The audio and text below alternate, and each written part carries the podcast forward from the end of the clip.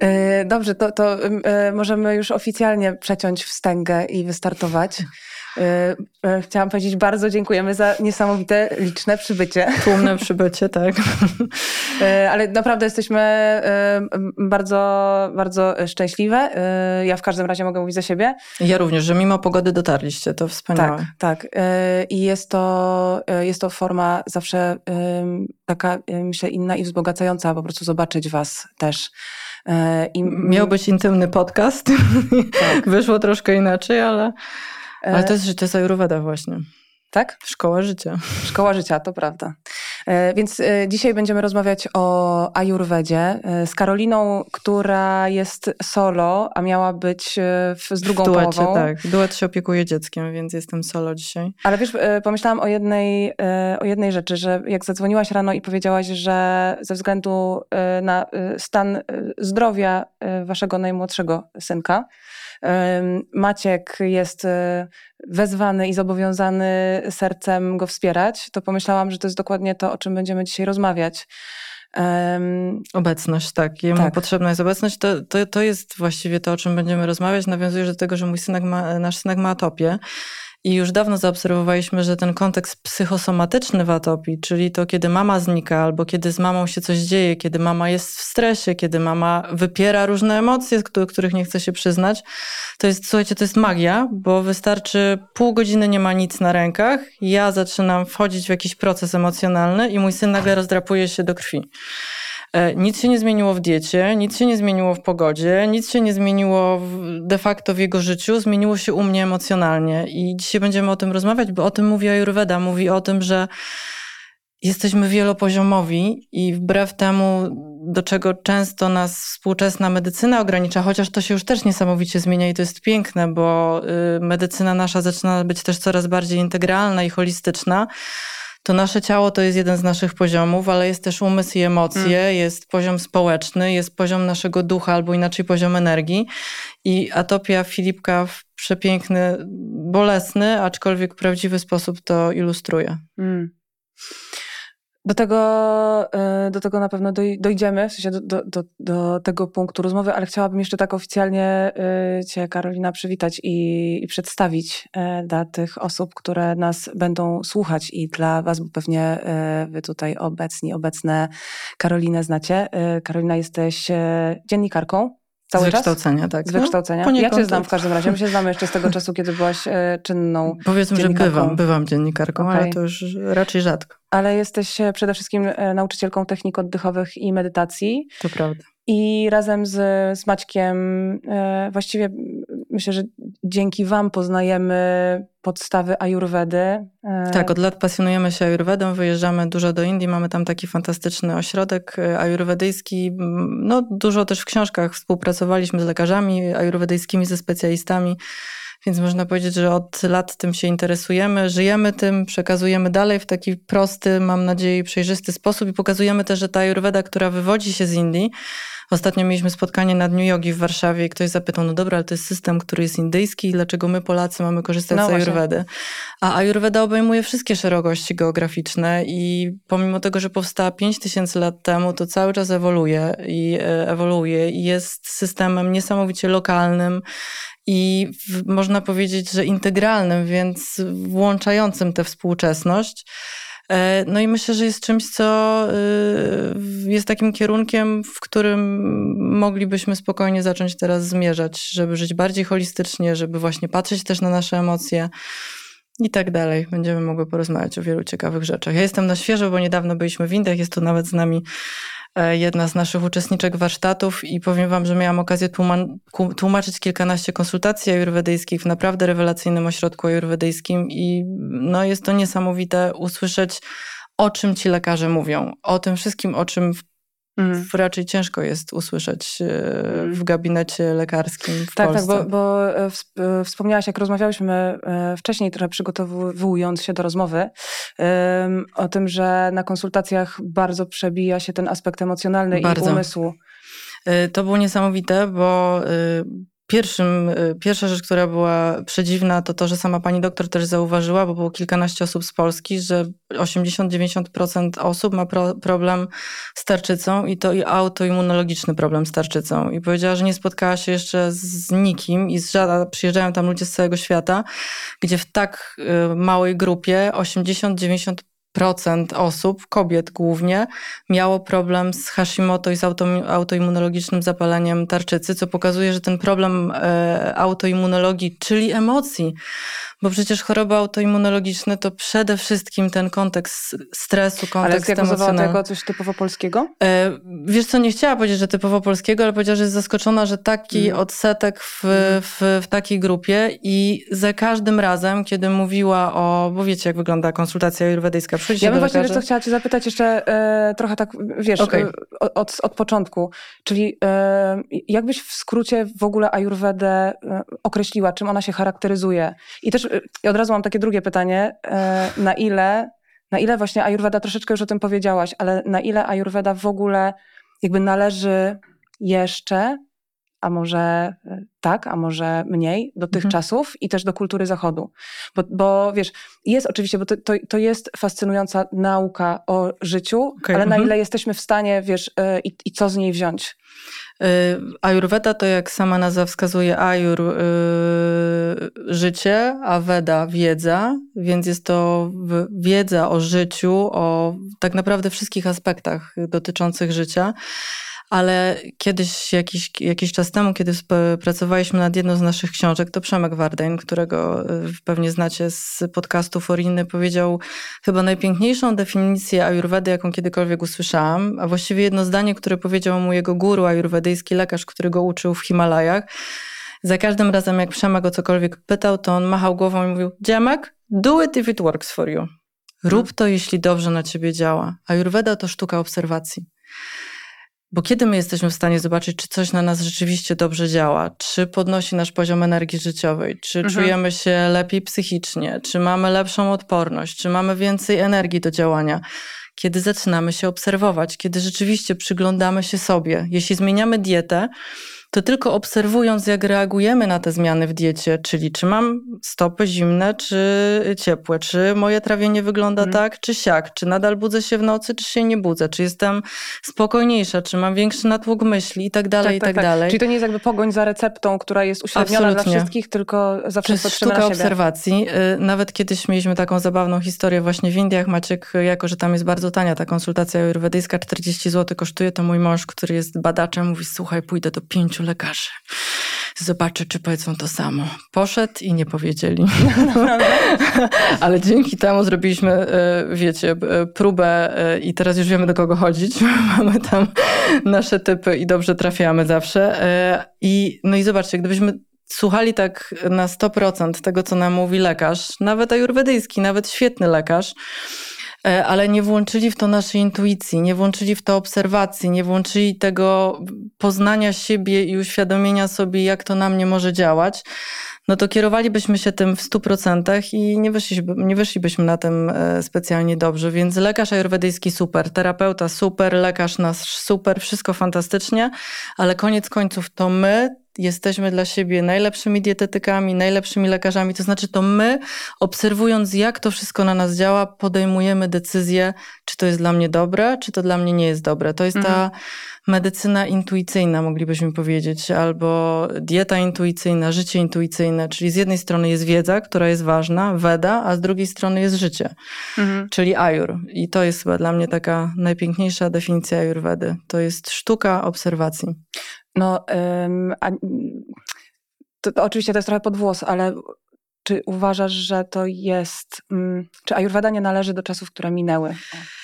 Gdybyśmy się trzymali tak jeden do jednego yy, i czytali tylko Czaraka Samhita i starożytne pisma wedyjskie i gotowali na kupach krowich, bo tak najlepiej mówi Ayurveda i robi wiele rzeczy, które yy, dzisiaj już nie mają racji bytu, to tak. Natomiast Ayurveda bardzo ewoluuje i ci najlepsi lekarze ayurwedyjscy na świecie, czy Vasant Lat, czy yy, Robert Swoboda, no jest y, cała lista, czy David Frowley, jest cała lista. Oni bardzo mocno podkreślają mają ten kontekst lokalny ayurvedy, czyli ayurveda jest taką dziedziną, która ma umocowanie w każdej szerokości geograficznej i zupełnie inaczej będzie się odżywiał, będzie żył, będą zupełnie inne zalecenia odnośnie stylu życia dla osoby mieszkającej w Indiach, która ma ciemną, dużo ciemniejszą skórę, która ma zupełnie inną budowę ciała, która ma zupełnie inne trawienie, a zupełnie inaczej będzie się odżywiał y, Polak mieszkający w Polsce, gdzie zimą mhm. temperatura spada do minus 20 stopni i jego dieta również będzie wyglądała zupełnie inaczej. Poza tym y, ten ośrodek w Indiach, do którego latamy, ma takie piękne motto i to jest też coś takiego, co ze mną zostało i myślę, że to jest kierunek, w którym którym zmierza Ayurveda, e, deepen your roots and broaden your vision, czyli pogłęb swoje korzenie i rozszerz swoją wizję. To jest ta integralność, o której mówię, czyli z jednej strony mamy tę starożytną Ayurvedę z tym 5 tysięcy lat badań klinicznych, jak nas ktoś pyta, no dobra, gdzie są badania na temat medycyny ayurwedyjskiej? No jest 5 tysięcy lat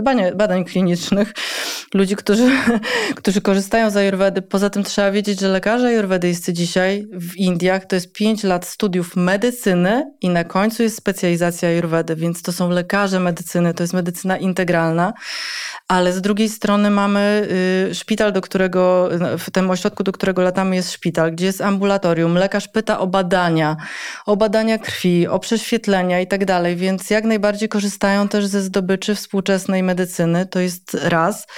A dwa, y, y, ja myślę, że to, co Ayurveda ma do zaoferowania poza tym systemem takim stricte medycznym, ta ayurveda bardziej holistyczna, bo są takie mm. dwa odłamy w Indiach. Jeden jest stricte medyczny, czyli to ta tak, tak, właśnie, związana... o, to, o to chciałam zapytać, o, o, o leczenie versus profilaktykę, czyli w, wiesz, w jakim celu właściwie mamy I ona głównie leczy, mówi też o profilaktyce, ale to są to bardzo duża część lekarzy, która dociera do Europy, to są ci lekarze, którzy raczej praktykują tę ayurvedę taką stricte medyczną, czyli przychodzimy z problemem i y, są zioła zapisywane, dieta jest zapisywana, ewentualnie jakieś zabiegi. Natomiast ayurveda ma jeszcze drugi aspekt, i to jest ten bardziej starożytny aspekt, którego ja jestem większą fanką, czyli ten aspekt bardziej holistyczny, gdzie jest włączona cała ta część duchowa ayurvedy, związana z medytacją, związana z praktyką technik oddechowych, z praktyką mudr. I tutaj bardzo dużo się mówi o kontekście emocjonalnym, bardzo dużo się mówi o rozwoju.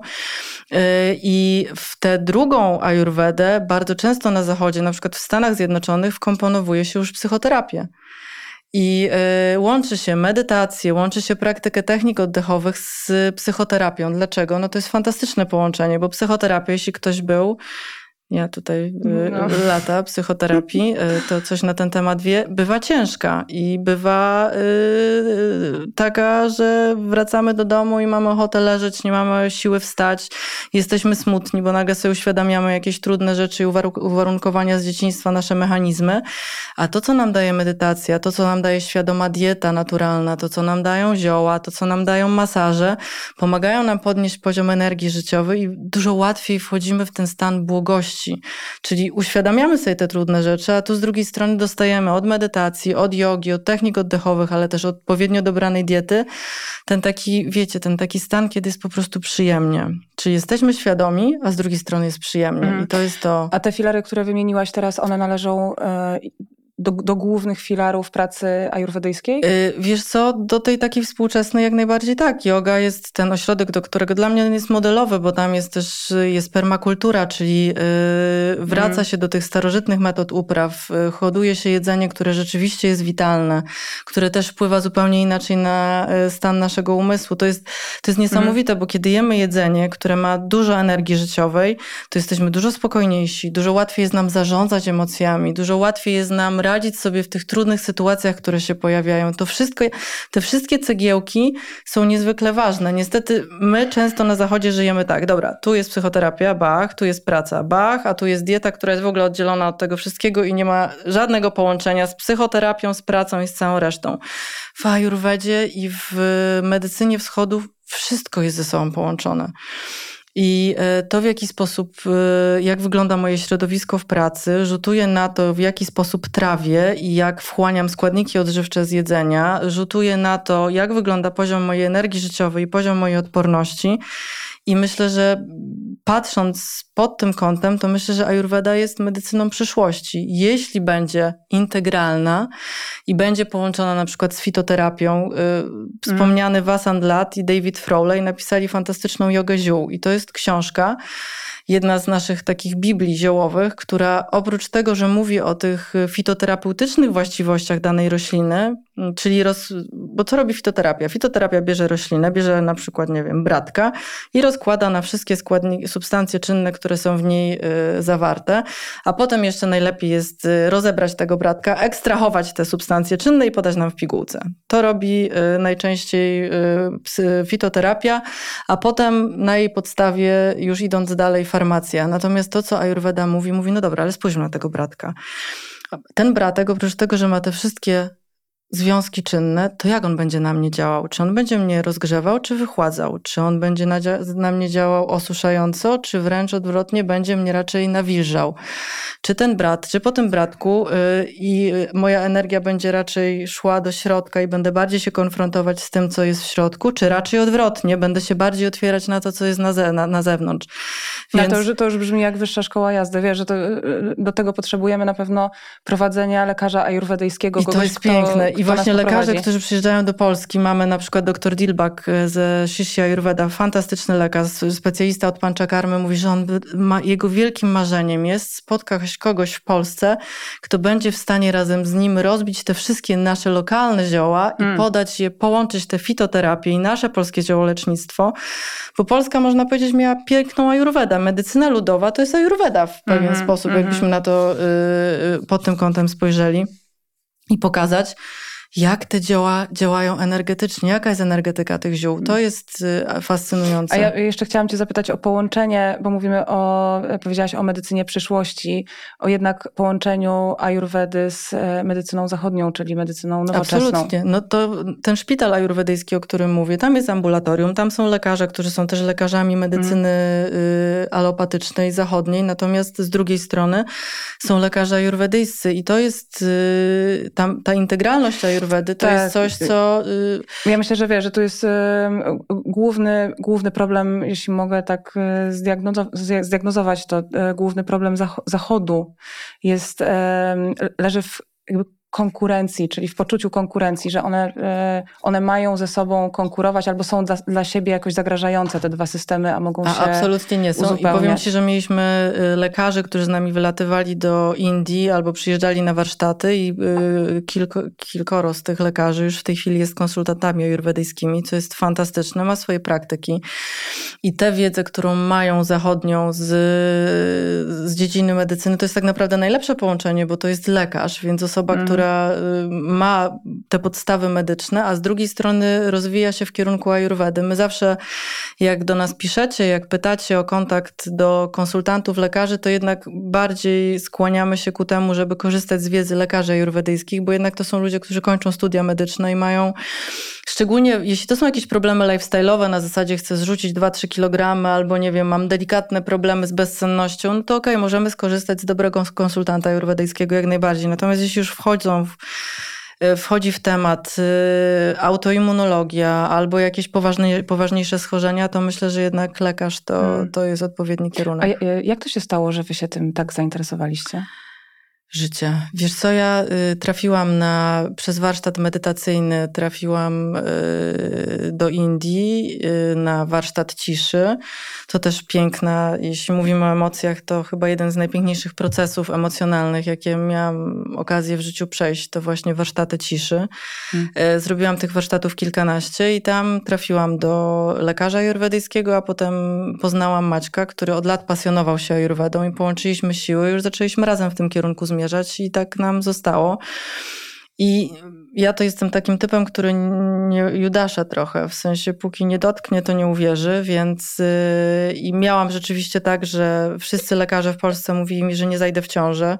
Miałam bardzo duże problemy hormonalne i yy, no, nie, nie wchodząc w szczegóły, teoria była taka, że bez wsparcia hormonalnego, a nawet z będę miała bardzo duży problem. Dzięki Ayurvedzie, dzięki temu, że bardzo zmieniłam styl życia, dzięki temu, że bardzo zmieniłam dietę i zaczęłam medytować, zaczęłam też łączyć to z psychoterapią i pracować na poziomie emocjonalnym zarządzać emocjami, uczyć się zarządzać emocjami, to zaszłam w ciążę w trzy miesiące bez yy, ani jednego środka to szybko ci ta poszło. Tak.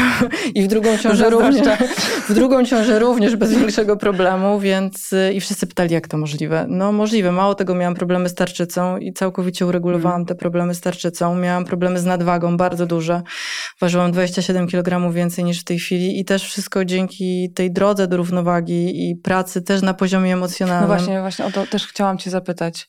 O raz Twoją pracę emocjonalną i Twoją drogę, a z drugiej strony o emocje, a filozofię wschodu, chyba tak bym to sformułowała jak, e, jak emocje są interpretowane w ajurwedzie i w tej filozofii e, wschodu. Hindus, tak, może wschodu to jest bardzo oczywiście szerokie określenie, ale powiedziałabym starohinduskiej. E, wiesz, przede wszystkim ajurweda mówi o tym, że podstawą naszego dobrostanu jest trawienie. Czyli każdy lekarz ajurwedyjski, jak do niego pójdziemy, nie zapyta, co jesz, tylko jak to trawisz. No dlaczego? No bo jak coś jest dobre, jak dobrze trawimy, to wówczas tylko i wyłącznie wchłaniamy te wszystkie składniki odżywcze, które są w pożywieniu. I Ayurveda mówi o dwóch poziomach trawienia. I to jest absolutnie fenomenalne, bo mówiła o tym już 5000 lat temu, a teraz nasza psychodietetyka robi, mówi dokładnie to samo, więc dla mnie... Ja uwielbiam te momenty, e... gdzie się okazuje, że... Nagle się tak. okazuje, że wszyscy mówimy o tym samym, tylko jeszcze e, robimy te zasłony mhm. dymne i mówimy, że nie, nie, że jest podział i to nie, nie o to chodzi, ale chodzi dokładnie o to samo. E, Ayurveda mówi o tym, że trawimy na dwóch poziomach, na poziomie fizycznym i na poziomie umysłowym. Trawienie fizyczne no to to trawienie, które mamy na myśli myśląc o trawieniu współcześnie, czyli to jak nasz układ pokarmowy rozdrabnia pokarm, wyciąga, wchłania i tak dalej.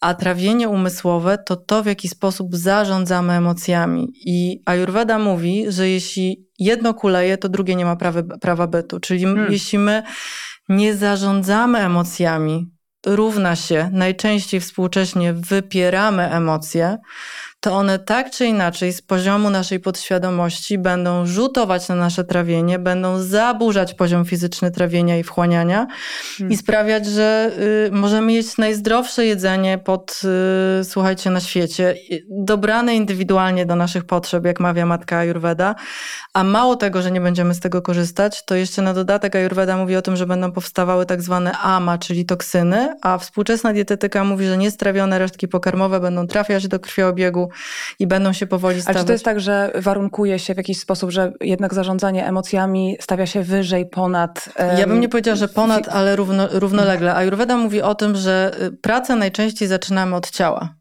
z mhm. tych czterech poziomów, o których mówiłyśmy już, które wymieniłaś tak. i o których mówiłyśmy wcześniej. Dlaczego?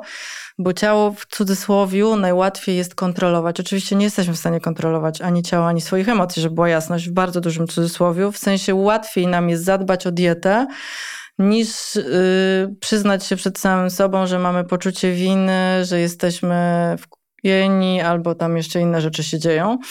E, zdecydowanie łatwiej jest nam y, przygotować sobie takie i takie jedzenie, pójść na jogę albo na siłownię, więc zaczynamy mhm. od ciała, ale równocześnie powinna w to wchodzić również praca na poziomie emocji. I to, co powiedziałaś, nawiązałaś do moich, y, do naszej ostatniej wizyty właśnie w Indiach. To było niesamowite, jak pani doktor y, bardzo często mówiła 70% emocje wyparte, 30% ciało. Nie mhm. mówiła to komuś, kto miał problem z tarczycą. I ktoś mhm. sieci mówi, A w jaki sposób to diagnozowała? Z pulsu.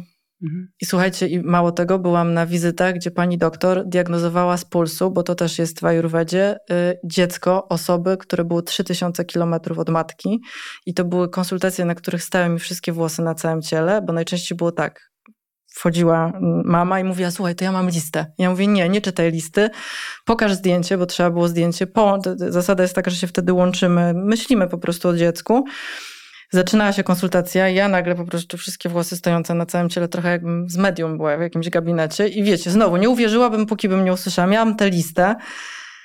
100% trafień. I do, do, do tego stopnia, że była w stanie mówić o falach mózgowych, problemach z falami mózgowymi, o takich szczegółach, że to wiecie, to, to niemożliwe, żeby ktoś był w stanie wpaść na to przypadkowo. Więc y, wszystko była w stanie wyczytać mm. z pulsu. Z pulsu, z tego jak wyglądamy, z tego jak y, siadamy, no z tysiąca maleńkich szczegółów, na które patrzy Ayurveda.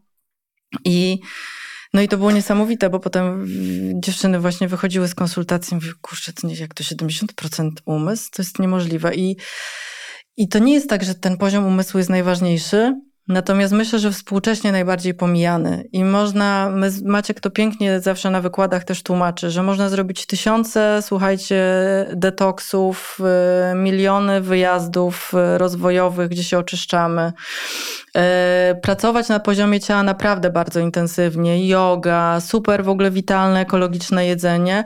I cały czas na moment się poprawia i wracamy do punktu wyjścia, na moment się poprawia i wracamy, znacie to? I wracamy do punktu wyjścia, jest trochę lepiej i znowu wracamy do punktu wyjścia wyjścia. Do momentu, do którego nie zrobimy porządku na poziomie emocji, nie zauważymy, że to, co próbujemy tak bardzo wyprzeć, cały czas na nas wpływa. Powiedziałabym nawet, że wpływa jeszcze bardziej, bo im bardziej na coś naciskamy, tym bardziej będzie to stawiało opór. No dobrze, i jak pracować z takimi wypartymi emocjami w takim razie? No słuchajcie, to nie po jest... Po ajurwedyjsku. ja myślę, że, że tutaj integralnie bym pracowała, nie tylko po ajurwedyjsku. Prawda jest też taka, że i wiecie, i każda, każdy kij ma dwa końce i wiele osób, które idzie w medytację i w rozwój taki rozumiany jako oddech, praktyka medytacyjna, yoga, idzie również mocno w wyparcie i wykorzystuje wszystkie te y, niżej wymienione do tego, żeby się nie konfrontować ze swoimi emocjami, mówiąc, że mhm. emocje jest mhm. energią i można się po prostu z tą energią nie utożsamiać. No, z jednej strony tak, a z drugiej strony jednak... No ja myślę, że to wiesz, że, że, że jest to w jakimś sensie o takim balansowaniu pomiędzy identyfikacją, ponieważ to jest życie, i chcemy przeżywać I swoje życie. Pięknie mówi o tym y, Wojtek Eichelberger, mm. Eichelberger, Eichelberger. Kiedyś z nim byliśmy właśnie w Dzień Dobry TVN i mówił, że emocje to jedna z najbardziej irracjonalnych rzeczy na świecie. My nie doszukujmy się żadnych No ale prawideł... pytanie, czy chcemy, żyć, y, czy chcemy żyć całkowicie racjonalnie, czy chcemy po prostu, żeby życie Ale one się na żyło... nas w irracjonalny tak, sposób tak, wpływają, tak. więc jeśli mamy coś wyparte, to jest taki przykład, y, jeśli mogę, bo to jest, to nie pamiętam, to chyba Lowen w jednej ze swoich książek albo Hawkins, chyba około Hawkins, pisze, podaje, y, zadaje takie pytanie, jaki jest przyczyna największej ilości rozwodów na świecie? Nie pamiętam dokładnie, jak no. odpowiada, ale jeśli chodzi o poziom ważności, to powiedziałabym, że to jest niespuszczona deska w kiblu. Dlaczego? No i teraz sytuacja. Znowu nie spuściłeś deski w kiblu a ty znowu nie wyniosłaś śmieci, a ty jesteś taki, a ty jesteś śma... I wiecie, co się dzieje za 15 minut? Za 15 minut wyciągamy sobie najgorsze rzeczy, jakie sobie wzajemnie zrobiliśmy i za generalnie no, kilka takich sytuacji naprawdę zbliżamy się do, do trudnych rozwiązań. Druga sytuacja, która jest związana z tym, że dwie osoby biorą odpowiedzialność za swoje emocje, są siebie mhm. świadome, znają swoją mocną i znają swoją słabą stronę i mało tego jeszcze je akceptują. Kochanie, chciałam ci powiedzieć, że jest to dla mnie ważne, żebyś spuszczał jednak tę deskę w kiblu. Wiesz, y, pomyśl sobie, postaw się w mojej sytuacji. Ja cię, ty mnie prosisz o, o parę rzeczy i jeśli ja ich nie robię, to jest ci wtedy przykro. I co ta druga strona wtedy mówi? Przepraszam nie spuściłem deski, będę, będę się starał o tym pamiętać. Ale to jest możliwe tylko i wyłącznie, jeśli my wiemy, kim jesteśmy i nie boimy się tego, że ktoś nam może powiedzieć, że coś zrobiliśmy nie tak. Bo kiedy my stajemy okoniem od razu, kiedy ktoś nam mówi, że zrobiliśmy. Coś... tak, tak, bo mówimy też o, o, o, dwóch rzeczach, że mówimy z jednej strony o samoświadomości, czyli o świadomości emocji i o braniu odpowiedzialności, tak jak powiedziałaś, a z drugiej strony jest też ten, ten e, poziom, o którym mówiłyśmy wcześniej, czyli na ile pozwalamy się w ogóle zabierać emocjom. Na A, ile po... Bo to są tak. dwa, to jest właśnie, to jest super pytanie i dziękuję, że to powiedziałaś, bo to jest właśnie ta różnica pomiędzy zarządzaniem emocjami, tak. wypieraniem emocji. To są dwa, dwie, y, nie, zarządzanie emocjami jest w środku, jest wypieranie emocji i powiedziałabym w cudzysłowie płynięcie z emocjami. Wypieranie to nie ma. Nieważne, co się dzieje, nie ma. Dlaczego pandemia spowodowała, że tyle osób zaczęło cierpieć na depresję? Tyle osób, wiecie jakie środki, yy, mamy znajomą, która jest, yy, siedzi w farmacji i jeśli chodzi o yy, rekordy sprzedażowe, to środki psychotropowe i nasenne wzrost jakiś olbrzymi. Oczywiście. No, ale mówimy o pandemii i mówimy na przykład o y, do dnia dzisiejszego y, o kryzysie, który się tak naprawdę nawarstwia. Cały czas się nawarstwia, Oczywiście. dokładnie. A y, dlaczego? Dlatego, że my nagle z tego biegu, w którym na co dzień jesteśmy, praca od e, godziny 7 do 18, dziecko albo brak dziecka, potem przyjaciele, potem fitness albo yoga. Cały czas jest, cały czas, cały czas jest bieg, bieg, bieg, bieg. Nawet jak jedziemy na wakacje, to biegniemy. I nagle ktoś włączył przycisk pauzy. A dlaczego my tak biegniemy?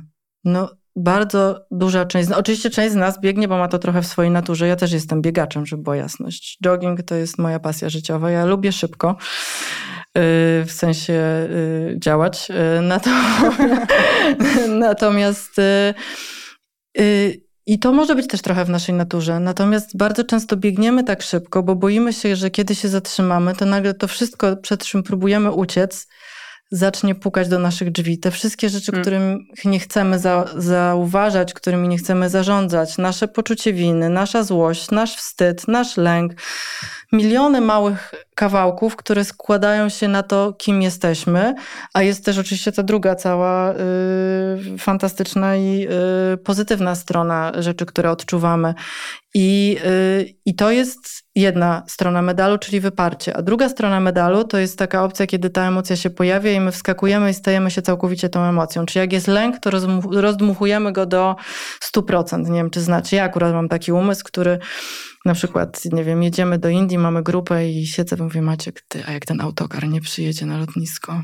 A my, wiesz, nie mamy jeszcze karty indyjskiej. Jak ja zadzwonię po ten autokar? Jak tam, w ogóle wiesz, jak ja zadzwonię? Przecież nie będziemy mieli roamingu. A Maciek siedzi i mówi, ty Karola, ale jesteś tydzień przed wyjazdem, siedzisz w Polsce. Dlaczego ty już projektujesz najbardziej hardkorowy scenariusz? I to jest płynięcie za to jest lęk, pojawia się, i zamiast, czym jest, i teraz środek, zarządzanie emocjami. Pojawia się lęk.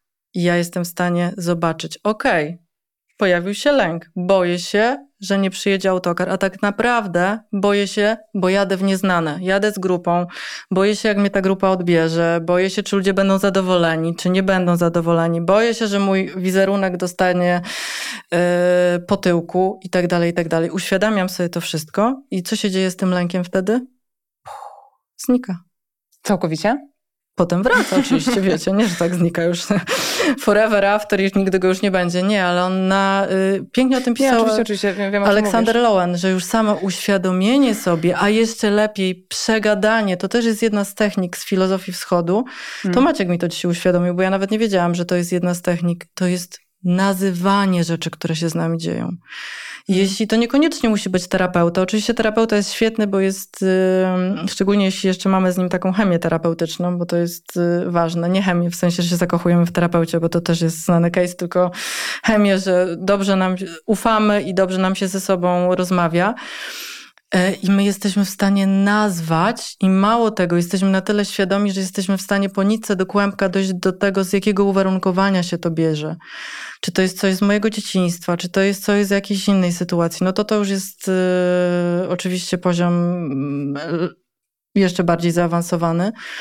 Ale to jest... Czy wiesz, właściwie cały czas mówimy o samoświadomości i o budowaniu takiej bardzo świadomej ścieżki do samej Absolutnie. siebie, do wnętrza samej siebie i, i do, do przyczyn, które sto, stoją pod jakąś konkretną emocją, I... a szczególnie jeżeli ona przybiera formę tak, taką, która jest dla nas mm, trudna i tak, i destrukcyjna. Ale wiesz, myślę też o tym, e, że z jednej strony mówimy o emocjach, które są, czyli e, o lęku, czyli o, o, o czymś, co zazwyczaj wiąże się z naszymi projekcjami, z tym, e, w jakim momencie życia jesteśmy.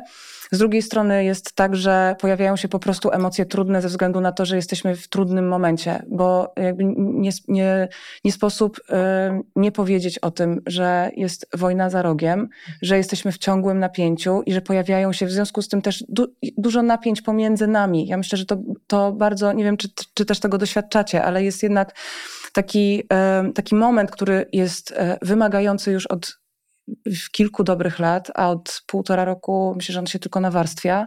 I teraz e, jest, wiesz, mam, mam, takie cały czas pytanie ze sobą, jak w związku z tym możemy skorzystać z takiego, przechodząc z takiego poziomu, e, wiesz, tego, co byśmy dla siebie chcieli, no bo każdy chce dla siebie po prostu spokoju, szczęścia, równowagi i do tego dążymy.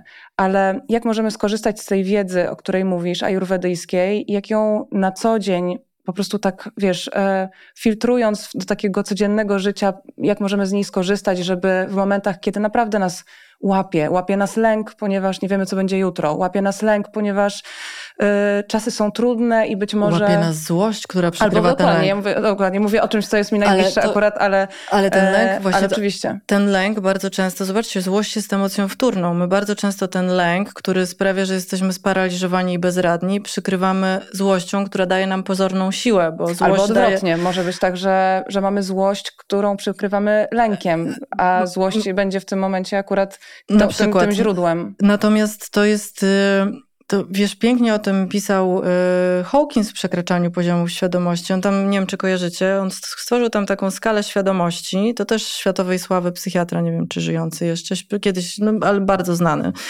Y, I rozpisał poszczególne emocje. Bardzo oczywiście to umownie trzeba potraktować na skali. I tam na, samym, na samej górze było oświecenie, czyli wyjście poza emocje, na samym dole bakteria, czyli jesteśmy zupełnie nieświadomi. E, I jedną z y, takich najniżej wibracyjnych emocji był wstyd, potem wyżej był lęk, niepokój, złość już jest wyżej skalibrowana, bo daje nam pozornie siłę na samym początku, po czym oczywiście nam ją zabiera, jak wejdziemy w poczucie winy, które też jest niżej skalibrowane. I on y, pięknie pisał o tym, że im wyższy poziom naszej energii życiowej, czyli im wyższy poziom naszej świadomości, tym bardziej my jesteśmy w stanie przyglądać się temu, co się z nami dzieje. Jeśli my jesteśmy mhm. wibracyjnie lękiem, czyli jesteśmy, mamy niski poziom energii życiowej. To znaczy, że co to znaczy niski poziom energii życiowej? Każdy z nas do tego doświadcza. Ayurveda mówi o tym, że to jest niski, energię życiową nazywa praną, wymienia konkretne źródła prany, czyli energii życiowej, między innymi świadome jedzenie i picie, między mhm. innymi oddech jest źródłem energii życiowej, między innymi pozytywne nastawienie jest źródłem energii życiowej, sen oczywiście jest źródłem energii życiowej i w ogóle uregulowany zegar biologiczny też będzie nam pomagał y, zbierać, jakby kumulować tę energię życiową. Y, to im wyższy wyższy poziom tej energii życiowej, której możemy sobie dostarczyć przez te wszystkie y, źródła, o których mówiłam i zaraz więcej praktycznych wskazówek, tym bardziej my jesteśmy w stanie wyjść ponad ten lęk i spojrzeć i zobaczyć, ok, boję się i nazwać to.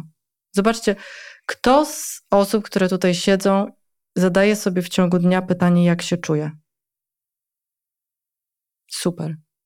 Ale większość z nas? Świetnie.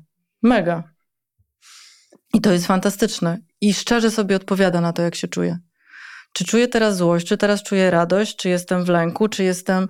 Zobaczcie, to są podstawowe rzeczy dotyczące naszej egzystencji, ale ani szkoła, ani studia, ani im dalej w las, nic nas tak naprawdę do tego nie przygotowuje. Więc Ayurveda poprzez y, medytację, poprzez dietę, która jest indywidualnie dobierana do naszych potrzeb, czyli jest taka dieta. Jeśli jesteśmy typem, który to, o czym teraz mówisz, czyli ten stan, kiedy jesteśmy w lęku, ja też jestem lękowa i stresowa, y, więc też to jest mój case. To jest nomenklatura, w, no nie wchodzimy za bardzo, ale doszywata, czyli żywioł powietrza i przestrzeni. I ten czas, który teraz jest od pandemii, przez to, co się teraz stało y, na Ukrainie i w czym kryzys ekonomiczny, to, to wszystko, w czym funkcjonujemy, sprawia, że ta dosza, zdaniem Ayurvedy, bardzo mocno teraz rośnie. Z czym to się wiąże? No wiąże się to z tym, że jesteśmy wszyscy podatni na lęk, podatni na stres, Mamy pogorszone trawienie bardzo często. Zobaczcie, lęk jest taką emocją, która nas wymraża, która sprawia, że energia odpływa mhm. do środka i nagle stajemy się bladzi i skostniali. Zauważyliście to? Jak jesteśmy pod wpływem lęku, to nagle stopy i ręce, nawet jeśli jesteśmy typem, który jest raczej taki rozgrzany, to nagle robią nam się zimne stopy i zimne ręce. Nagle przestajemy, zaczynamy być tacy apatyczni, przestajemy mieć e, energię e, do działania. I to jest dla nas sygnał. Ayurveda mówi, że tak, przede wszystkim potrzeba nam jedzenia, które będzie nas rozgrzewać i nawilżać, bo wada nas też wysusza. Potrzeba nam jedzenia, które będzie odpowiednio przyprawione, po to, żeby wzniecać nasz ogień trawienny, a ogień trawienny odpowiada też za nasz nastrój. W ogóle energia Czyli to może być taka interwencja? Może być. Mhm. I wtedy robimy interwencję. Dbamy wtedy, kiedy czujemy, że rzeczywiście jest źle, że się zapadamy, to jeszcze i wtedy jest najciężej, paradoksalnie, zadbać o dietę, zadbać o to, żeby rzeczywiście dzień rozpoczynać od chwili medytacji, jeśli macie na to czas i albo zrobić ten czas na to.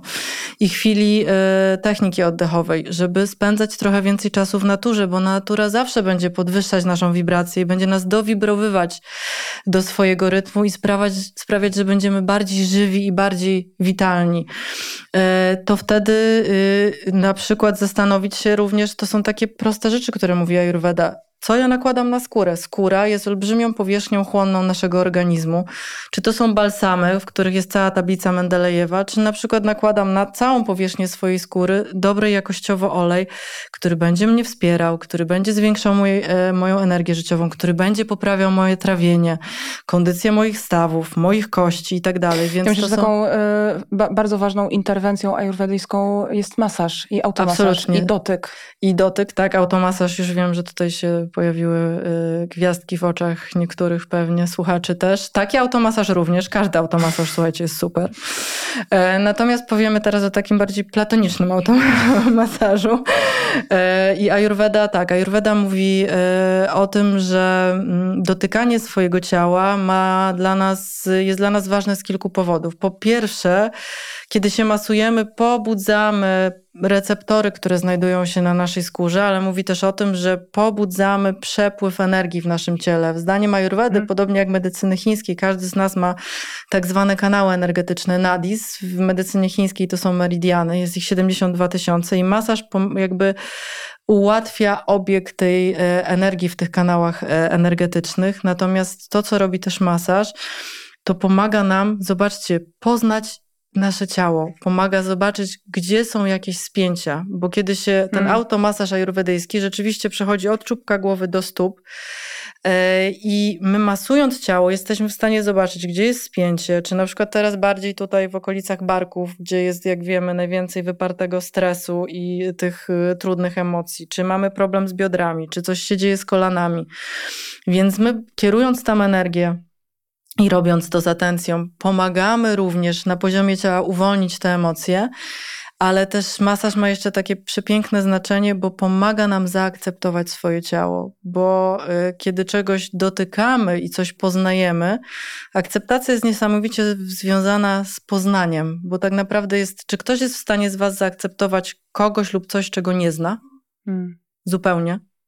Nie, bo się boimy, bo od razu mamy opcję, okej, okay, dobra, ale. Hmm na, wiecie, no ja nie mówię o tym efekcie polianny, kiedy się zakochujemy i na samym początku jest w ogóle, mm, wszystko jest fantastycznie i jest, jest ta 100% akceptacja, po pół roku już jest tam 2% jeszcze zostaje z tych 100%, tylko mówię o takiej prawdziwej akceptacji, kiedy widzimy kogo, kogoś jako całość, z tymi pięknymi i z tymi mniej pięknymi rzeczami, więc y, masaż poprzez, poznajemy swoje ciało, dotykamy tych fragmentów, które Aczkolwiek nam się... jest, jest potrzebna intencja do tego, wydaje mi się, że taka in, intencja, która... Tak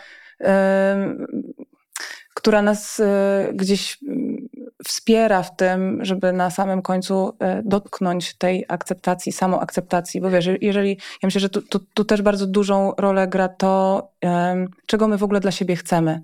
Absolutnie. I czego, do czego dążymy. Jeżeli, Absolutnie. I w ogóle jakim, w jakim celu podejmujemy jak, jakiekolwiek właściwie działania, czy to jest właśnie dieta, o której mówisz, czy to jest oddech, czy to jest medytacja, czy to jest zioła, e, zioła i masaż, to tak naprawdę u podstawy stoi to, do czego i gdzie dążymy. Jeżeli dążymy do tego, żeby sobie pomóc, jeżeli, albo pomóc komuś, albo um, jeżeli szukamy tego wewnętrznego spokoju i równowagi, to prawdopodobnie ten masaż, on z czasem czy ten dotyk z czasem będzie coraz łagodniejszy, albo właśnie nawet te miejsca takie, to jest bardzo ciekawe, takie rozpoznanie, właściwie spojrzenie na swoje ciało z ciekawością, i rozpoznawanie I tych atencją. miejsc, które, tak, tak, tak. rozpoznawanie tych miejsc, które kumulują jak, jakieś napięcie. To jest, y, to historia, to pewnie już słyszałeś, bo w książkach też o niej pisałam, y, jak poszłam kiedyś do lekarza ajurwedyjskiego w Warszawie, który przyleciał z Kanady i fantastyczny, nie pamiętam nazwiska i y, to były te lata, kiedy bardzo zmagałam się z nadwagą i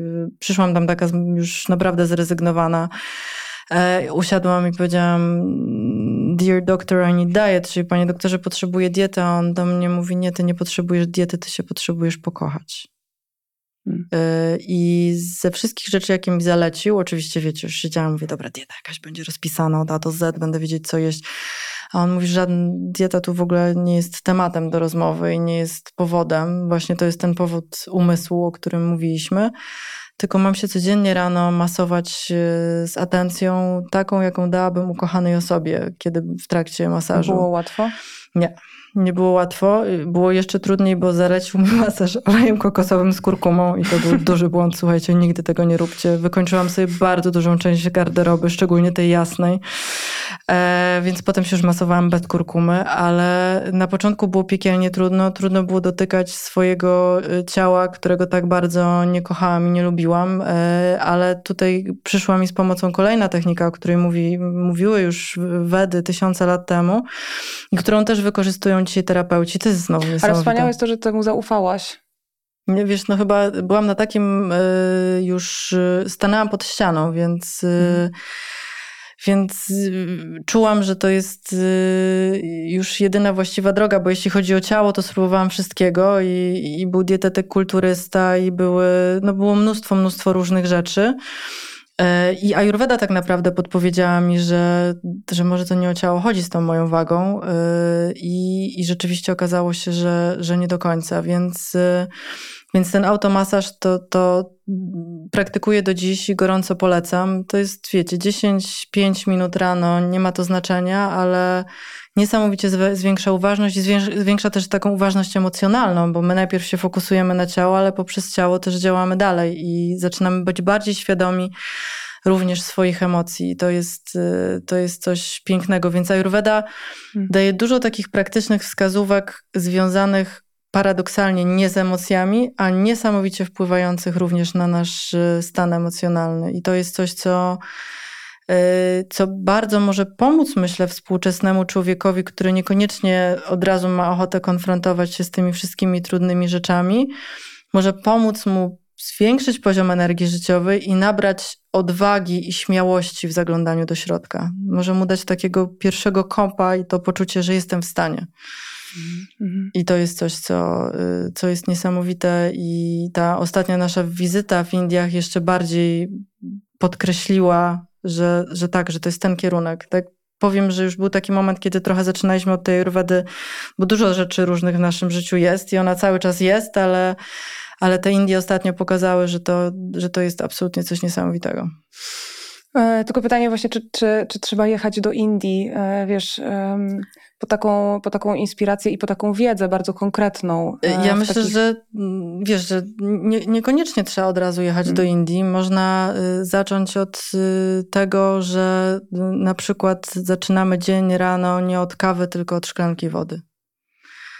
Jeśli ktoś rano zaczyna dzień od kawy, ja też byłam tym przez wiele lat. Y, to no jakby na dzień dobry upośledza swój ogień trawienia, na dzień dobry przeciwdziała temu, co powinno się rano stać wraz z wypiciem tej szklanki wody, czyli wspomaga organizm w przebudzeniu, w procesie y, oczyszczania i tak dalej. To jest taka mała rzecz. Od razu podnosi poziom swojej energii życiowej, jeśli zaczyna od wody, a nie od kawy, która tak naprawdę na początku da kopa, a potem jeszcze szybciej nam y, tę energię zabierze. Więc możemy wynieść jedną małą rzecz i zrobić tę jedną małą rzecz, a potem z tej jednej małej rzeczy rozkwitnie kolejna rzecz, bo troszkę podniesie się poziom naszej energii życiowej i będziemy mieli już siłę na to, żeby oprócz wody zrobić sobie jeszcze, yy, nie wiem, śniadanie, które jest dla nas najlepsze i najbardziej dostosowane do naszych potrzeb, a nie zjeść w biegu drożdżówki idąc do pracy. I potem jeszcze wzrośnie poziom naszej energii życiowej i nagle poczujemy, że jesteśmy źli i będziemy, Boże, ja się złoszczę i matko, jestem zazdrosna, to jest niesamowite. Nigdy nie przypuszczałam, że jest we mnie coś takiego jak zazdrość i to będzie kolejne wiekopomne odkrycie i wtedy może zdecydujemy, że jednak pójdziemy, pójdziemy na, na psychoterapię, bo, bo jednak dużo tej zazdrości jednak w nas jest i tego poczucia winy i tych wszystkich rzeczy, których byliśmy przekonani, że w nas nie ma. Jednak ta siostrzeństwo mm. to jest, ale może mm. nie do końca i ta ciało no tak. pozytywność też jest, ale może nie do końca i pójdziemy tak. na psychoterapię. Ale myślę, że e, myślę, że mówisz też o ciekawości e, w stosunku do samej czy samego siebie, e, która jest taka nieoceniająca. Oczywiście ta ocena pod spodem, bo o, o, tym wszystkim to jest, czyli często to jest o, o autoocenie, o tym właśnie jak bardzo nam jest ze sobą czasami trudno. Ale żeby w ogóle zacząć jakąkolwiek pracę, to dobrze jest mieć ten, taką dozę ciekawości, co się wydarzy, jeśli, jeśli właśnie zrobię coś inaczej, albo jeżeli pójdę w jakimś kierunku, z czymś zaeksperymentuję. To jest to wychodzenie poza strefę komfortu, o której też mówi y, i Ayurveda, i filozofia wschodu, mhm. że y, im jesteśmy starsi, y, tym bardziej działamy, wiecie, no bo czym jest strefa komfortu? Lubię do Włoch, nie lubię y, krajów arabskich, lubię to, tak, nie lubię tego, z, lubię, nie lubię i, i nagle... I wiesz, z jednej strony oczywiście to ma swoje plusy, bo to jest nasza tożsamość i to jest to, co jest bezpieczne dla nas i to, co lubimy i jakoś tak w, w, I to im, jest im się jest starszym, no właśnie, im się jest starszym, tym więcej się rzeczy wie na swój temat, co jest spoko, bo to daje oczywiście poczucie osadzenia, ale to jest ciągłe takie balansowanie pomiędzy tym powracaniem do tego bezpiecznego, a wypuszczaniem się w nieznane. I absolutnie powinniśmy odnaleźć swój złoty środek. To jest właśnie ta droga do równowagi. To jest mm. Y, recepta na szczęście y, i naszych terapeutów, ale też y, lekarzy jurwedyjskich i osób, które się zajmują psychologią wedyjską, bo też takowa istnieje mówią o tym, że szczęście to jest równowaga pomiędzy tym, co w środku, a tym, co na zewnątrz. Czyli z jednej strony pracujemy ze sobą, uświadamiamy sobie swoje emocje, działamy, ale też nie zapędzajmy się w kozi róg i nie, nie wiecie, bo to już jest potem ta prze, prze, przeanalizowanie wszystkiego. Dobra, ale skoro poszedłem w prawo, a nie w lewo, to może to jest związane z tym mechanizmem z dzieciństwa, w którym to nie tędy droga. To już, już dajmy, wrzućmy na luz i okej, okay, hmm. analizujmy, ale też bądźmy trochę na zewnątrz, spełniajmy marzenia, wyjeżdżajmy na wakacje, nie wiem, działajmy w wolontariacie, dzielmy się. To jest przepiękna recepta na szczęście też, coś, co ty robisz bardzo mocno. I też oczywiście tutaj trzeba znaleźć złoty środek. Mówię to ja, która miała etap w swoim życiu, wiecie, kiedy lata melanży i dekady w branży się skończyły i warszawska wiosna ludów i zaczął się, i zaczął się okres wolontariatu i medytacji i było tak, że wiecie, z jednej strony prowadziłam kursy w więzieniach, zdarzało mi się i mieszkałam nawet kiedyś w więzieniu, sypiałam, miałam niedaleko celi cele i prowadziłam warsztaty, z drugiej strony były dzieci, programy dla dzieci, ja zupełnie nie mam energii do pracy z dziećmi, ja już się tak rzuciłam w ten wir odkupienia i, hmm.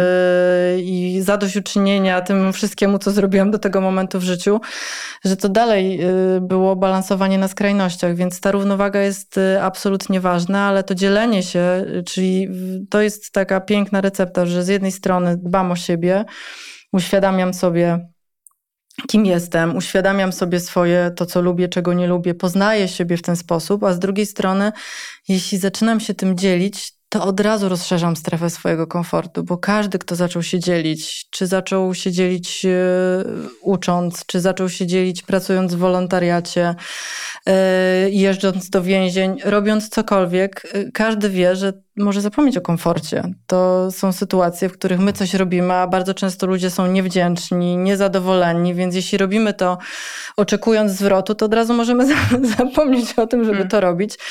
Ale kiedyś taki brodaty, bliski naszemu sercu mistrz powiedział, mówi, chcesz być silny i świadomy siebie, zacznij działać w wolontariacie, zacznij się dzielić bo to i uczyć. To są dwie rzeczy, które przepięknie pomagają y, wyjść poza strefę komfortu.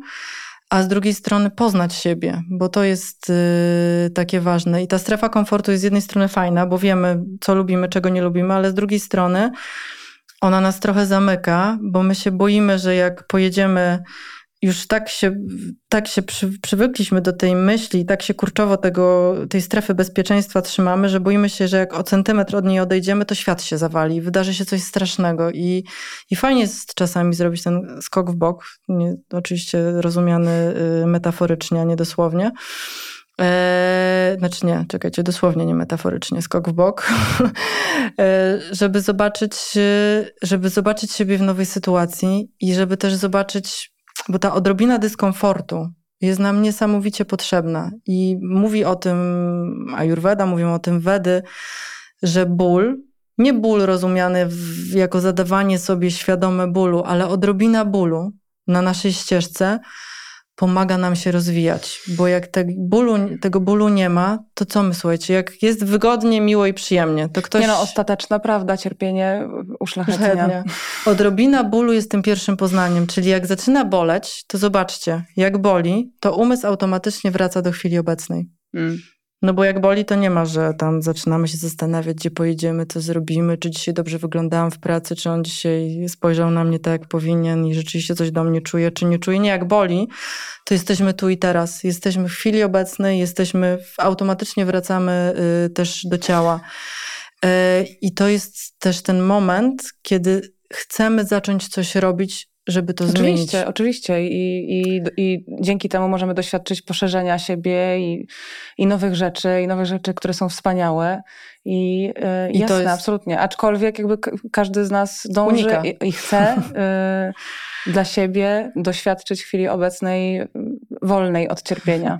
Absolutnie, tak. aczkolwiek nie jest to możliwe, żebyśmy całkowicie... Na... Pięknie całkowicie też... nie, ale myślę, że wiesz, jakby Niewiele. to jest, ale jest, jest to jakimś po prostu życiowym dążeniem. Y, to chyba Lowen też pisał, y, z tego co pamiętam, Lowen, tak, że ilość bólu na naszej ścieżce jest uzależniona stricte od jednej rzeczy, od pokory. Od pokory rozumianej jako akceptacja tego, co się dzieje. Czyli to są znowu dwa modele. Pojawia się coś nieprzyjemnego i natura ludzka jest taka, że uciekamy w drugą stronę, wypieramy i udajemy, że to się nie dzieje. A pokora i akceptacja mówi: OK, jest nieprzyjemne. Jest nieprzyjemne. Dlaczego to jest dla mnie nieprzyjemne? Dlatego i dlatego i dlatego. I bardzo często, jak się już mieliście takie sytuacje, że jak uciekamy przed czymś nieprzyjemnym, to doznajemy tych nieprzyjemnych sytuacji 10 razy mocniej. A jak się zatrzymujemy i mówię, mówimy: OK, tutaj jestem spoglądamy w oczy smoka, patrzymy, dlaczego to jest dla nas nieprzyjemne, dlaczego to mnie boli, dlaczego to wywołuje we mnie dyskomfort, to automatycznie ta sytuacja się rozplata. Więc, yy, więc to jest też. Yy, to jest też piękna jakby wskazówka. wskazówka, rada, może radzić to chyba bym za bardzo nie chciała, ale wskazówka, z której sama korzystam, że tu ja akurat mam Maćka, który jest moim wielkim życiowym nauczycielem i myślę, że ja dla niego zwrotnie. Y, jak zaczynam uciekać, to mówię Karola, Wtedy ma taki, takie hasło, mówi struś pędzi wiatr. Ja od razu już wiem, o co chodzi. hasło struś pędzi wiatr od razu mnie naprowadza na właściwe tory i wiem, że zaczynam uciekać i, i rzeczywiście jak się zatrzymuję i konfrontuję i zaglądam, to się uwalnia i potem już... Y, hmm jest zdecydowanie przyjemniej. Więc mamy pewnie do jakiegoś kontroli ogólnie zbyt wiele nie mamy w życiu, ale jeśli na czymś mamy, to też jest piękne, y, pięk, piękne zdanie, które kiedyś usłyszałam, że nie mamy wpływu na deszcz, ale zawsze możemy zabrać parasol. I y, dbanie o siebie, o swój poziom energii życiowej, o zarządzanie emocjami, przyglądanie się tym, co jest, temu, co jest w środku, oddech, medytacja, różne sposoby na to, żeby umysł wracał do chwili obecnej, żeby zatrzymać ten kociokwik i stres, to może być nasz piękny tak. parasol. Tak, a ja dodałabym jeszcze do tego, że mamy wpływ na swoją reakcję, czyli oczywiście nie mamy wpływu na emocje, ale możemy. Na odpowiedź mamy. Dokładnie, dokładnie. To jest absolutnie prawda. Wiem, że muszę cię puścić. Jeszcze słuchaj, zaraz Ile?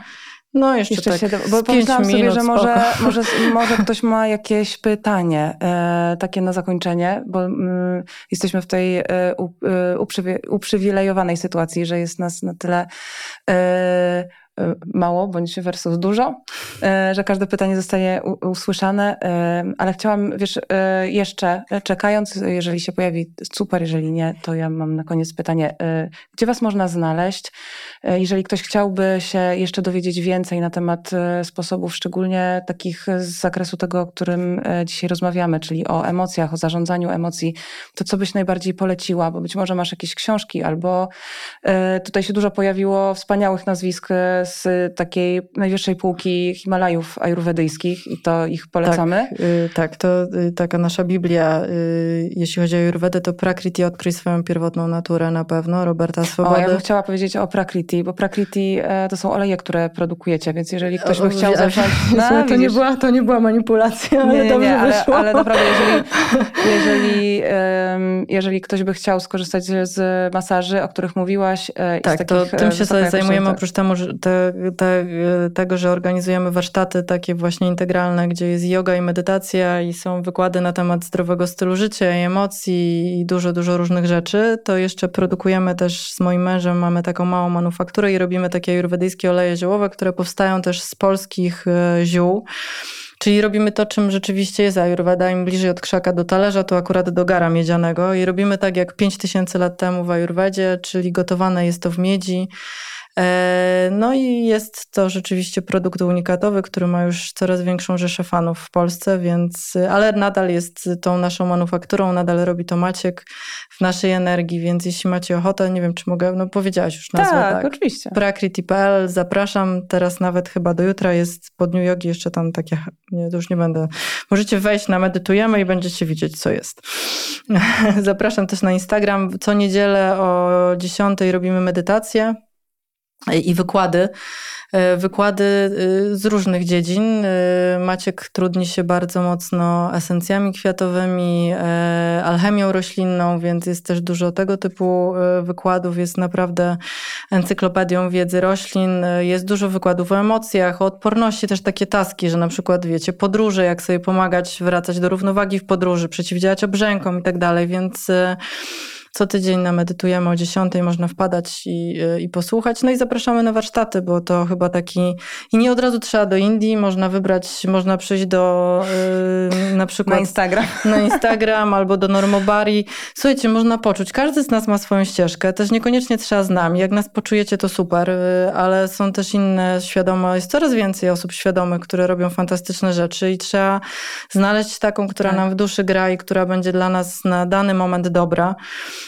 E, i można się poinspirować. E, mamy warsztaty wyjazdowe też w Polsce e, i zawsze no, my jesteśmy tacy, jak tutaj dzisiaj widzicie, więc tacy chyba raczej naturalni i znośni w podróżach.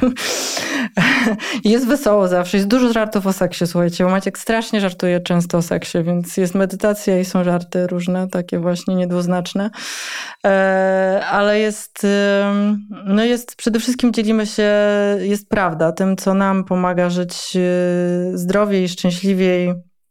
E, I kiedyś nam ktoś mądry powiedział, znamy tę mądrą osobę Iwona, e, nasza zaprzyjaźniona terapeutka, dawno, dawno temu, że naszą ścieżką życiową jest prawda i mówienie też czasami trudnej prawdy o sobie, dzielenie się trudnymi sytuacjami i mm, Mogę Wam taki przykład na zakończenie podać. To w trakcie live'a jakiś czas temu y, ktoś napisał bardzo miły komentarz, bo ja jestem z tych gadających więcej, dlatego Maciek dzisiaj jest dzieckiem, on jest z robiących więcej. Znaczy ja też robię, żeby nie było, ale ja jestem, ja jestem tak y, y, bardziej słowna. To jest moja moca. Y, I y, na, zagadałam kiedyś męża na live'ie y, i to czasami mi się zdarza, co nie było eleganckie. I jakaś pani napisała bardzo miły komentarz, czy mogłabym w końcu dać dojść do głosu mojemu mężowi, bo ma dużo więcej mądrzejszych rzeczy do powiedzenia niż ja. No i teraz patrzcie, świadomy człowiek zagadał męża. Dlaczego? No bo mój brak poczucia swojej wartości się odezwał i chciałam się lepiej poczuć kosztem Maćka. Taka prawda. I zaczęłam błyszczeć na zewnątrz, że to były techniki, które mi zawsze pomagały, to to zrobiłam. Ale że byłam na tyle świadoma, to powiedziałam dziękuję. I powiedziałam to, słuchajcie, online, live. Mówię, słuchajcie, no tak jest. Mój brak poczucia własnej wartości dał znać o sobie, w związku z czym próbowałam się przejechać po mężu i je, lepiej się poczuć jego kosztem. To się właśnie wydarzyło. Słuchajcie, ludzie pisali, że łzy im popłynęły, bo nie spodziewali się takiej szczerości, a, a ja po prostu... I zobaczcie, gdybym ja tego o sobie nie wiedziała, to był koniec, byłby to koniec tego live'u. W sensie ja bym wyszła albo bym panią zbanowała, wykrzyczała, że nikogo nie zagadałam, zrobiłabym tysiące dziwnych hmm. rzeczy, które pogorszyłyby sytuację. Jako, że ja wiem, że ja to mam i że... Yy... No ale akceptujesz to w sobie też. Przyjęłaś I to. akceptuję to, że to. Akceptacja nie oznacza, że yy, ja udaję, że tego nie mam. Akceptacja oznacza, że przyjmuję, że to w sobie mam i z tym pracuję. To jest akceptacja. To jest jakby... I przy Wiem, że to jest mój, y, moja pięta achillesowa, z którą od lat pracuję. Wiem, że ten mój brak poczucia swojej wartości często objawia się w rywalizacji. Słuchajcie, żyjemy w piekielnie rywalizującym społeczeństwie. Dziennikarstwo jest piekielnie rywalizującym zawodem, w którym przez lata funkcjonowałam. Media są i jakby ja przez lata sobie z tego nie zdawałam sprawy, ale kiedy ja już to widzę i wiem to o sobie i jeszcze tysiące razy wpadam w te sidła i wiecie, jak pisaliśmy książki, to wchodziłam na Empik i sprawdzałam, czy komuś się nie le lepiej nie sprzedaje i dlaczego je, czemu jemu się sprzedaje lepiej, skoro ja napisałam taką książkę. No słuchajcie, taka jest rzeczywistość, ale jeśli my jesteśmy świadomi tego i wiemy to o sobie, ja nie mówię, że każdy z was tutaj rywalizuje, bo każdy ma swoje rzeczy, z którymi pracuje, to automatycznie zabieramy moc temu uwarunkowaniu. Mało tego, zabieramy moc osobom, które mogą chcieć nas skrzywdzić, hmm. nawet często nieświadomie, podświetlając nam to uwarunkowanie. To jest jedyna prawdziwa droga do siły i do wolności. Samoświadomość. I nie ta samoświadomość, która teraz jest modna, hashtag samoświadomość, hashtag całopozytywność, hashtag akceptacja. Ten hashtag jest prawdziwy tylko jeśli to rzeczywiście w nas zakiełkuje. Jeśli my rzeczywiście mamy odwagę do tego, żeby spojrzeć na siebie, zobaczyć te fantastyczne rzeczy, te gówniane rzeczy, które są w nas, zaakceptować je. I to jest proces, słuchajcie, no ja jestem w tym procesie od lat. Orinka, ty jesteś w tym procesie od lat. Mój mąż jest w tym procesie od lat. I to nie jest tak, że my się raz już zaakceptujemy i potem forever after yy, żyjemy w tym poliannie, stajemy rano i zachwycamy się i myślimy sobie, że jesteśmy fantastyczni. Nie, to jest proces. Jest, ten proces cały czas trwa, ale im jesteśmy dalej, im jest dalej w las, im bardziej jesteśmy świadomi, tym szybciej jesteśmy w stanie zrobić to, co mówisz. Odpowiedzieć, zobaczyć coś, co się dzieje, że na przykład jesteśmy wściekli i mamy ochotę za popłynąć z tym, zrobić krok do tyłu, mając odpowiednie techniki, wyjść nawet na moment, w momencie, kiedy dzieje się najtrudniejsza sytuacja, wyjść do parku, złapać oddech, nabrać chwili dystansu, już spojrzeć na sytuację w zupełnie inny sposób i dopiero kiedy zobaczymy, co się wydarzyło i przeprocesujemy to, wrócić do rozmowy. I to jest tak naprawdę, to jest potęga. Amen. Amen, amen. dziękuję Kocham, bardzo, dzięki. Karolina. I dziękuję Wam, że, jest, że jesteście, byliście. Ja również Wam. E, wszyscy dzisiaj byliście słoneczkami. Cała sala słoneczek. Dzięki. Dzięki. Również za półtorej godziny bez mojego syna, półtora rocznego, też za to dziękuję. To była pierwsza godzina, i przypomnę, że to była twoja pierwsza godzina Nie, już niego. uświadomiłam sobie, że już było parę godzin, ale niemniej kocham go ponad Wyparła życie. się. Wyparłam je. Ale to są rzadkie godziny ostatnie. Wiecie, ja kocham dzieci, ale prawda jest taka, że, że dzieci nie są moim celem ostatecznym. No, taka prawda. Ale kocham, absolutnie. Cieszę się, że jestem mamą. E, aczkolwiek macierzyństwo bywa strasznie upierdliwe. Jestem tego świadoma.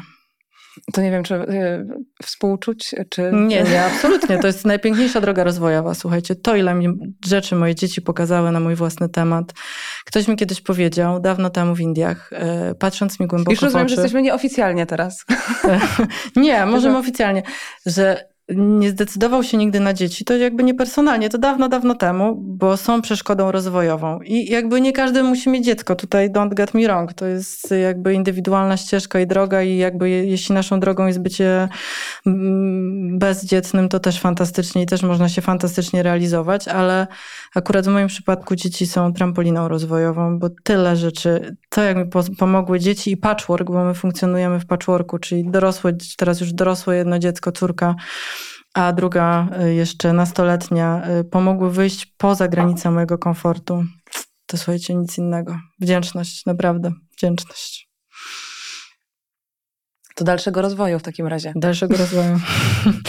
Dzięki wielkie. Dzięki.